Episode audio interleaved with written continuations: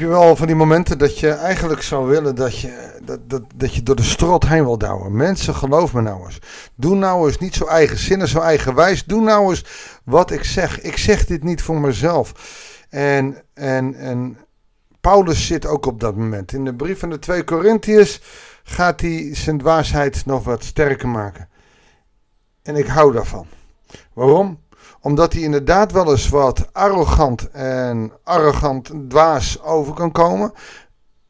Maar uiteindelijk bedoelt hij het goed. En dat laat hij eigenlijk in dit hoofdstuk heel goed zien. Goeiedag, hartelijk welkom bij een nieuwe uitzending van het Bijbelsdagboek. Laten we eens gaan lezen. Norma nogmaals, laat niemand denken dat ik een dwaas ben. Maar mocht u dat toch denken, accepteer me dan ook als een dwaas en sta me toe dat ik nou ook eens opschep over mezelf. Bam. Dan ga ik het ook gewoon doen, zegt hij. Want wat ik nu ga zeggen komt niet van de Heer. Het is grootspraak van een dwaas. Dit, is, dit is mooi. Ik hou ervan. Ik doe het zelf wel eens wat te veel.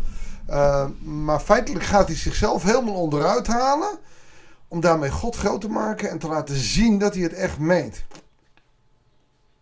Wanneer er zoveel zijn die zich laten voorstaan op een afkomst en prestatie, zal ik dat ook maar doen. U die zo verstandig bent, verdraagt dwazen toch met een groots gemak. Dit is heel cynisch. Want zij ontvangen dus Hebreeërs die zeggen uh, te profiteren, maar ondertussen, nou, dat is, dat is waar het wat haakt. En dan, dan zegt hij tenslotte verdraagt u ook nog mensen die u tyranniseert, uitzuigt, onderwerpt, zich boven u verheft en u beledigt. Oftewel, er zijn arrogante evangelisten geweest die uh, waarschijnlijk ten koste van alle gelden van de gemeente een luxe leventje leiden en af en toe wat over God zeiden. Tot mijn schande moet ik bekennen dat wij daarvoor te zwak zijn geweest. Wij tyranniseren niet, wij zuigen niet uit, we onderwerpen zich niemand. Daar zijn we te zwak voor. Wat je hier ziet is dienend leiderschap. Zo van, ik had het beter kunnen doen, want jullie geloven iemand met een grote mond beter. En iemand die je onderdrukt, geloof je meer. Terwijl ik alleen maar vanuit mijn zwakheid. En dat is nou precies wat Jezus ook deed. Die, die waste de voeten. En Paulus laat hiermee zien dat hij Jezus immens goed herkent. Hij heeft hem zelf nooit ontmoet. Hij is geen leerling geweest. Maar als iemand wist wie Jezus was en wat hij kon. Als anderen over zichzelf durven op te scheppen, durf ik het ook. Ik ben toch maar een dwaas. Zijn zij Hebreeën? Dat ben ik ook. Zijn zij Israëlieten? Dat ben ik ook. Zijn zij nakomelingen van Abraham? Dat ben ik ook. Zijn zij dienaren van Christus? Ik ben zo gek dat ik durf te zeggen, ik nog meer. Hij, gaat het dus niet ontkennen. Maar hij gaat wel zeggen, ik er nog meer. En waarom nog meer? Ik heb harder gezwoegd, heb harder gevangen gezeten, heb veel meer lijfstraffen ondergaan, ben vaker in doodsgevaar geweest. De kans dat de dwaalleraren in Corinthians dat hebben gedaan, ondergaan hebben, is zeer klein. En hij is inderdaad onder druk. Door de Joden ben ik vijf maal met 40 min 1 zweepslagen gestraft. 40 min 1, 40 is de dood. 39 is dan net niet dood. Dus dat is een hele zware straf. Ik ben drie maal met stokslagen gestraft. Ik ben eenmaal met stenen bekogeld en heb driemaal schipbreuk geleden. Eén keer heb ik een etmaal op zee rondgedreven. Voortdurend was ik onderweg, bedreigd sorry, door rivieren, rovers, volksgenoten en vreemdelingen. In gevaar in de stad, in de woestijn, op zee en te midden van schijngelovigen. Hij zomt hier op wat hij allemaal heeft meegemaakt. Waardoor hij vindt dat hij meer credits heeft, waardoor ze hem kunnen geloven. Hij laat zijn zwakheid hier zien. Als hij een arrogant, eh, hoogmoedig christen was geweest, dan had hij in een gouden koets rondgereden en iedereen. Oh, wil je het niet geloven? Nou, dan ga ik weer verder weg. Nee, Saul, oftewel Paulus, ging een stap verder. Ook omdat hij die radicale bekering heeft meegemaakt. Als ik me dan toch op iets moet laten voorstaan, zegt hij. En zo doet hij dat, hè? Ik heb gezwoeg geploegd, vaak zonder te slapen, hongerig, dorstig, vaak zonder te eten, verkleund zonder kleren, als ik me dan toch ergens op moet laten voorstaan. En los van wat ik nog meer zou kunnen noemen, is er de druk waaronder ik dagelijks sta vanwege mijn zorg voor de gemeente. Dus hij voelt zich ook nog eens enorm verantwoordelijk. En aan al die dingen kan je zien dat Paulus ook serieus bezig is voor het evangelie. Is iemand zwak? Dan ben ik het ook. Wordt iemand ter val gebracht? Dan ontsteek ik in woede. Want, en dan zegt hij het echt, als ik me dan toch op iets moet laten voorstaan, dan laat ik mij voorstaan op mijn zwakheid.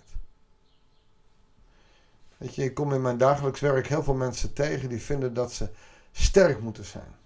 Heel veel uh, mensen krijgen dat te horen in de therapie. Kom op, sterk wezen. Laat je er niet onderbrengen. En dat is allemaal goed bedoeld. Hoeveel therapieën haal de kracht uit jezelf. Het zen-boeddhisme, uh, maar ook de psychologie. Haal de kracht uit jezelf. Ja, dan raak je burn-out van. Dat red je niet. Maar juist door die zwakheid, door je afhankelijk te stellen van God en zeggen: Ik ben niks. En God in mij is wat? Dan werkt het door. De God en Vader van de Heer Jezus, die uh, de God die moet worden geprezen tot in eeuwigheid, weet dat ik niet lieg. Toen ik in Damascus was, liet uh, het nar van koning Aretas de stad afsluiten om mij gevangen te nemen. Ik kon aan hem ontkomen doordat ik in een mand door een venster in de muur werd neergelaten, vlak na zijn bekering geweest. Hij kan plenty dingen opnoemen waardoor hij serieus moet worden genomen. En het doet het hier ook gewoon. Ik ga hier gewoon over mezelf opscheppen. Waarom? Omdat het dit keer nodig is.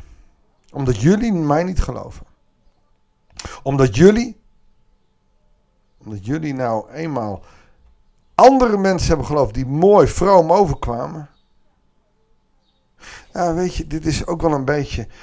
Want hoe kan je dit nou toepassen in deze tijd? Ja, heel makkelijk. Je hebt van die dominees die komen over alsof ze alles weten. Zo van, nou, ik zal wel zeggen, want ik weet precies uh, hoe en wat. Nou, dat weet je niet. Dat is helemaal niet waar. Je moet nooit de pretentie hebben, een dominee mag nooit de pretentie hebben dat hij precies weet hoe het is. En hou me te goede, ik ken er genoeg. Of het lag aan mij, maar tegenover mij zeiden ze, nou Dirk joh, ik, ik, ken één die, die heeft heel vaak tegen mij gezegd: laat dat maar even aan een echte dominee over. Ik weet dat wel. Zo van: oké, en ik weet niks. Dan denk ik meteen: heb ik niet de gave van de geest? Nee, alleen de dominee die universiteit gedaan heeft. Heel veel dominees denken dat ze omdat ze universiteit hebben gedaan. Weet je, en, en er zijn heel veel goede bij hoor. Ik wil niet katten en ik zal geen namen noemen. Maar als je het hebt over dwaalleraren, dan lopen er ook helaas bij de universiteit nou ja, dan breek ik mijn tong erover. Universitair geschoolde collega's van mij best wel dwaalleraren rond.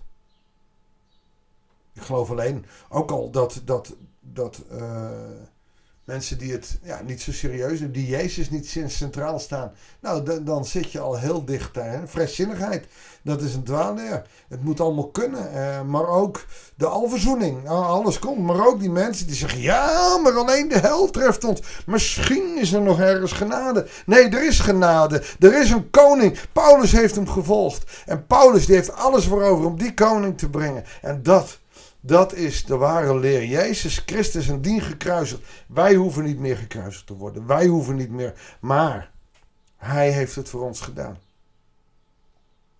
Dan moet je dat toch willen? Dan moet je toch willen geloven? En al die mensen die het even smooth vertellen, maar zelf in een paleisje wonen om. Weet je, dat is de bedoeling niet. En ik hoef heus niet in een oud huis te wonen. Ik mag best wel goed wonen. Maar het mag geen paleis zijn waar ik mee pronk. Weet je, het is altijd een balans hoe je, hoe je gaat reageren. Het is altijd een balans hoe of wat je gaat doen. En de beste balans kan je vinden bij God. Zullen we daarvoor bidden? Vader in de hemel, lieve God, dank u wel dat u ons gezien hebt, dat u ons werkelijk waar kent. God, en wij willen woorden spreken van waarheid, dus van uw Zoon Jezus Christus. Maar we willen ook onderscheid maken wie dat wel of niet doet. Heere God wil ons daarvoor de geest van onderscheid geven. Zodat wij anderen kunnen zien of dat werkelijk waar van u is of niet. Heere God, geef ons de kracht, de inzicht en de wijsheid. Om niet te oordelen, maar wel om het onderscheid te maken wat waar is en wat niet waar is. Leer ons oprecht de Bijbelse boodschap te kennen. En door uw geest ook te kunnen onderscheiden wat wel en niet van u is. Heer Jezus, opdat uw waarheid in deze wereld is. Opdat mensen oprecht gaan wonen. Niet uh, geloven. Niet een beetje. Niet omdat het maar een beetje moet. Maar oprecht. En dat hun leven daarmee verandert. Ik bid dat voor de mensen die luisteren. God, geef ze de geest van onderscheiding. Maar ik bid het voor de kerk van Nederland. Heer, dat er onderscheid komt in het echte geloof. En in de mensen die er eigenlijk niks mee bedoelen. Heer, maak schoon uw kerk en wil het verkeerde wegvegen, maar laat ons radicaal zijn om u te volgen. Heer, dat bidden we u. In de machtige naam van onze Heer Jezus Christus. Amen. Dankjewel voor het luisteren. Ik wens je God zegen en heel graag tot de volgende uitzending van het Bijbels Dagboek.